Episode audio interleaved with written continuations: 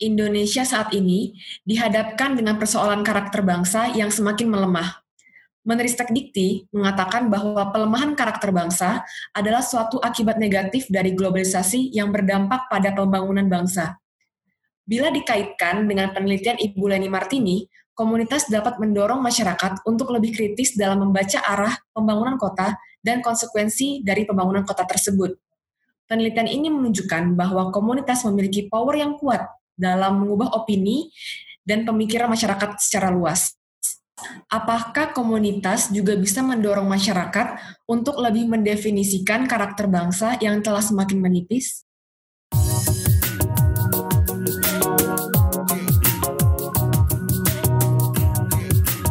Sudah bersama kita Ibu Leni Martini. Beliau adalah pengajar di SBM ITB dalam kelompok keahlian People and Knowledge Management. Halo Evita. Ya, jadi hari ini aku mau nanyain beberapa pertanyaan terkait topik kita hari ini ya, Bu ya. Jadi pertanyaan pertama itu mengenai seberapa penting peran komunitas dalam membentuk karakter bangsa. Menurut penelitian saya, sangat penting. Kenapa? Karena Indonesia itu adalah negara yang memang budayanya untuk berkelompok ya. Orang-orang itu senang untuk berada dalam satu kelompok gitu. Kekuatan individunya tuh sebenarnya kurang berdasarkan penelitian saya. Jadi sebenarnya kalau kita tergabung dalam komunitas-komunitas itu sangat penting dalam membentuk karakter bukan hanya bangsa tapi juga lingkungan sekitar dari mulai uh, sekitar rumah gitu tempat aktivitas atau komunitas di mana pun dia berada. Menurut Ibu, komunitas itu apa sih dan mengapa kita harus berkomunitas? Komunitas adalah orang-orang yang berkumpul dalam satu kelompok yang memiliki interest yang sama, ketertarikan terhadap sesuatu yang sama. Banyak sekali keuntungan, manfaat yang bisa didapat dari bergabung dengan komunitas dan organisasi apalagi ketika kita masih kuliah dan masih muda saya waktu mahasiswa S1, saya memanfaatkan waktu sebanyak-banyaknya selagi kuliah itu untuk ikut banyak sekali kegiatan gitu di kampus. Dan saya belajar banyak gitu dari organisasi-organisasi seperti itu walaupun nggak ada nggak ada satu organisasi yang saya benar-benar aktif gitu saya benar-benar loyal sehingga orang bisa ngecap saya oh kamu anak LFM gitu. Enggak tapi saya ikut di macam-macam gitu. Dan itu tuh sangat bermanfaat ya, sangat bermanfaat terhadap perkembangan karakter saya berikutnya untuk lihat oh gimana ya pengambilan keputusan di satu organisasi itu bisa beda dengan organisasi yang lain.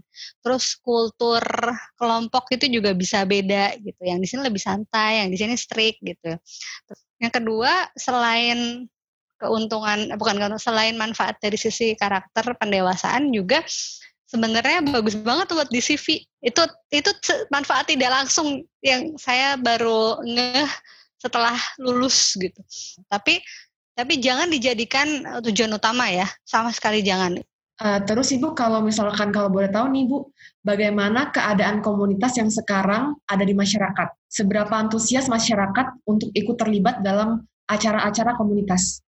Kalau saya melihatnya sekarang di Indonesia itu banyak sekali komunitas ya. Komunitas itu uh, sejak mungkin sejak uh, reformasi tahun 98 ke sini itu makin banyak makin banyak makin banyak. Jadi sekarang itu komuni ikut komunitas itu adalah tadinya sesuatu yang ngetren sekarang tuh jadi sesuatu yang kayak semi wajib gitu apalagi untuk anak-anak muda. Hampir semua anak-anak muda itu ikut komunitas. Evita ikut nggak komunitas? Oh, aku ikut juga sih, Bu. Iya kan? Jadi itu kayak semacam uh, uh, uh, untuk menentukan identitas gitu. Nah, komunitas-komunitas yang saya teliti sebenarnya hanya beberapa hanya yang ada di Bandung, tetapi saya juga memperhatikan komunitas-komunitas yang ada di kota-kota lain gitu. Anak-anak muda bikin komunitas-komunitas yang baru. Anak uh, yang kemudian yang sudah dewasa gitu, yang dewasa juga ingin membimbing anak-anak muda yang baru bikin komunitas. Jadi mereka juga masih terlibat aktif. Dan sekarang eh, orang-orang tua yang alhamdulillah karena kemajuan teknologi, kemajuan gizi ya, kesehatan masih bisa beraktivitas dengan baik, masih produktif di masa setelah pensiun mereka. Sekarang juga oma-oma, opa-opa, nenek-nenek ini kakek-kakek pada bikin komunitas juga. Jadi semakin banyak orang yang antusias untuk ikut komunitas. Uh, terus aku juga pengen tahu nih Bu, bagaimana cara komunitas bisa mempengaruhi karakter bangsa secara langsung dan positif? Sebenarnya masing-masing komunitas itu kembali kepada tujuannya ya Kalau berdasarkan penelitian saya, itu ada empat jenis komunitas. Yang pertama, komunitas berdasarkan kesamaan atau similarness. Yang kedua, komunitas berdasarkan bisnis. Kemudian yang ketiga komunitas berdasarkan uh, namanya kreatif komunitas ya atau komunitas kreatif. Yang keempat itu yang menjadi topik penelitian saya adalah komunitas uh, pengetahuan atau komunitas pembelajar gitu. Nah, dari yang pertama aja komunitas berdasarkan kesamaan.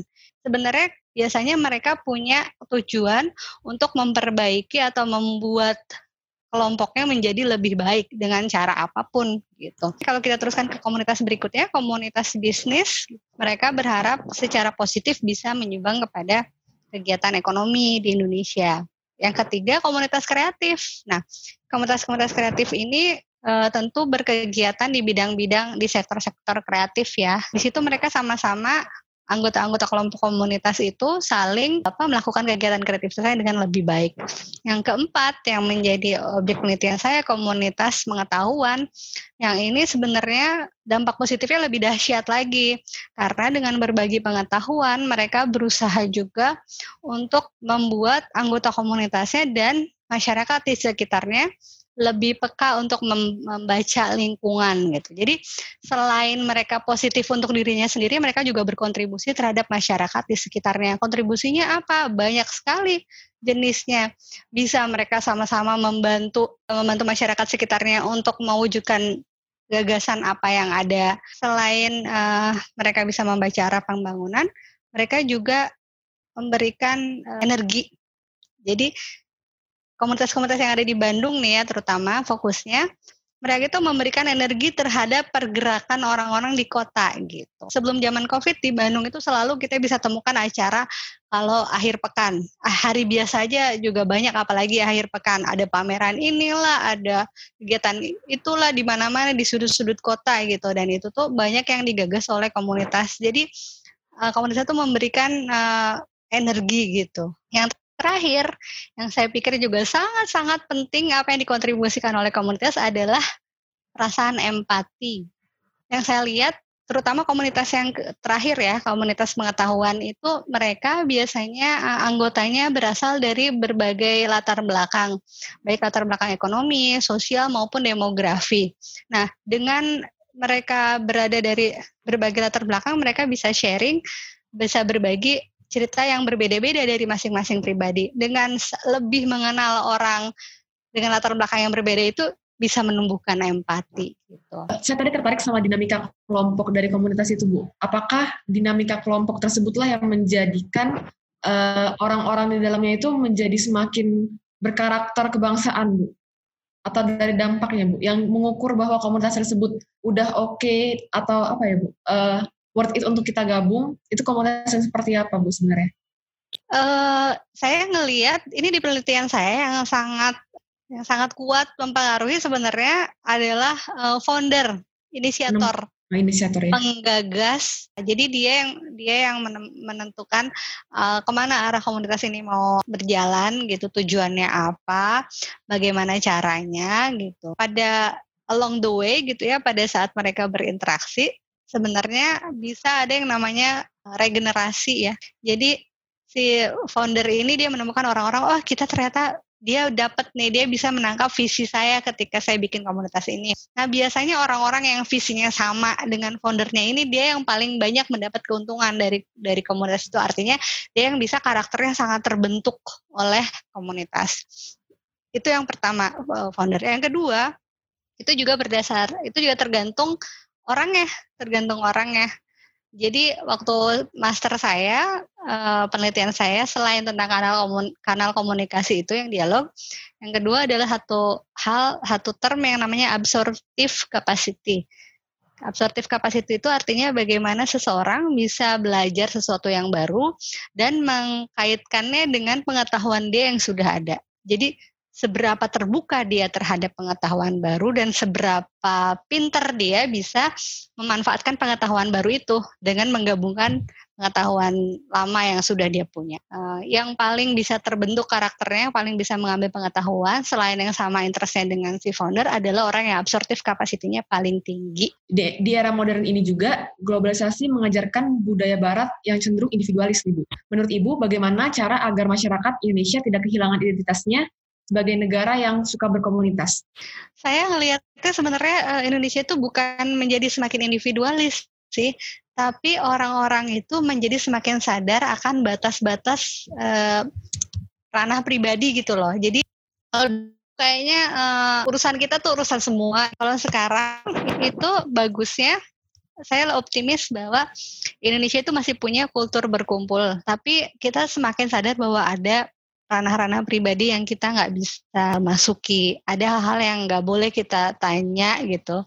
Uh, kemudian menurut saya itu sesuatu yang positif loh sesuatu yang sangat bagus gitu jadi sama sekali nggak nggak tergerus terus yang kedua juga uh, tentang interaksi ya jadi kalau sekarang saya merasa bahwa uh, ya gitu karena ada media sosial kita nggak perlu harus terus menerus ketemu. Misalnya uh, dalam seminggu tuh harus datang terus setiap hari minggu ketemuan atau apa.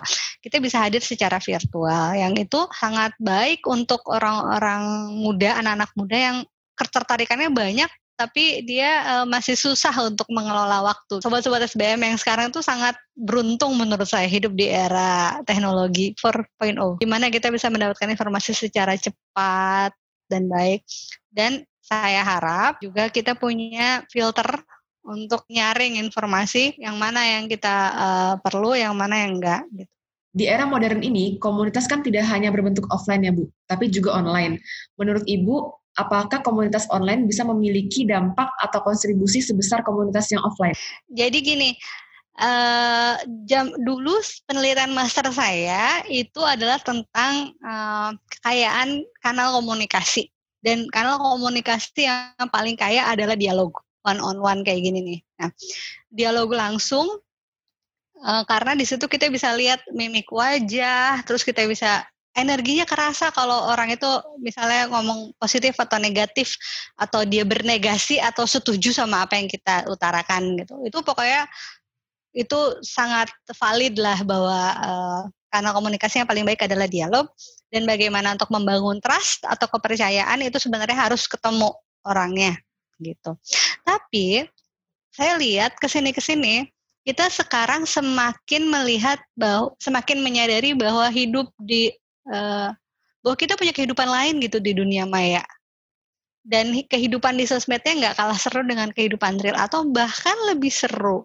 Kehidupan realnya biasa aja I'm just an ordinary uh, apa ordinary girl gitu. Misalnya biasa-biasa aja tapi bisa begitu dahsyat gitu di sosial media. Balik lagi ke pertanyaan tentang komunitas saya mengalami selama dari 2015 berarti berapa sekarang? Lima tahun terakhir itu tergabung secara online dalam beberapa komunitas dan saya mengalami juga dinamika di dalam komunitas tersebut. Ternyata saya yang ikut secara online komunitas yang ada di Bandung itu bisa lebih dekat dengan orang-orang yang setiap minggu ketemu di Bandung. Jadi eh, ya nggak bisa dibilang bahwa komunitas yang offline itu lebih Eh, dekat atau lebih bagus daripada yang online nggak juga. Yang kita lihat sekarang adalah dampaknya. Kalau secara offline kita bisa membuat sesuatu yang dampaknya lebih besar terhadap kelompok kita sendiri, terhadap masyarakat, ya berarti itu lebih bagus. Uh, kalau saya lihat offline atau online bagusan mana, kita lihat dampaknya. Apa sih yang sudah bisa dilakukan oleh komunitas baik untuk mereka sendiri maupun untuk masyarakat. Nah, jadi sebenarnya dengan adanya teknologi itu sangat uh, menguntungkan uh, menurut saya kaum perempuan.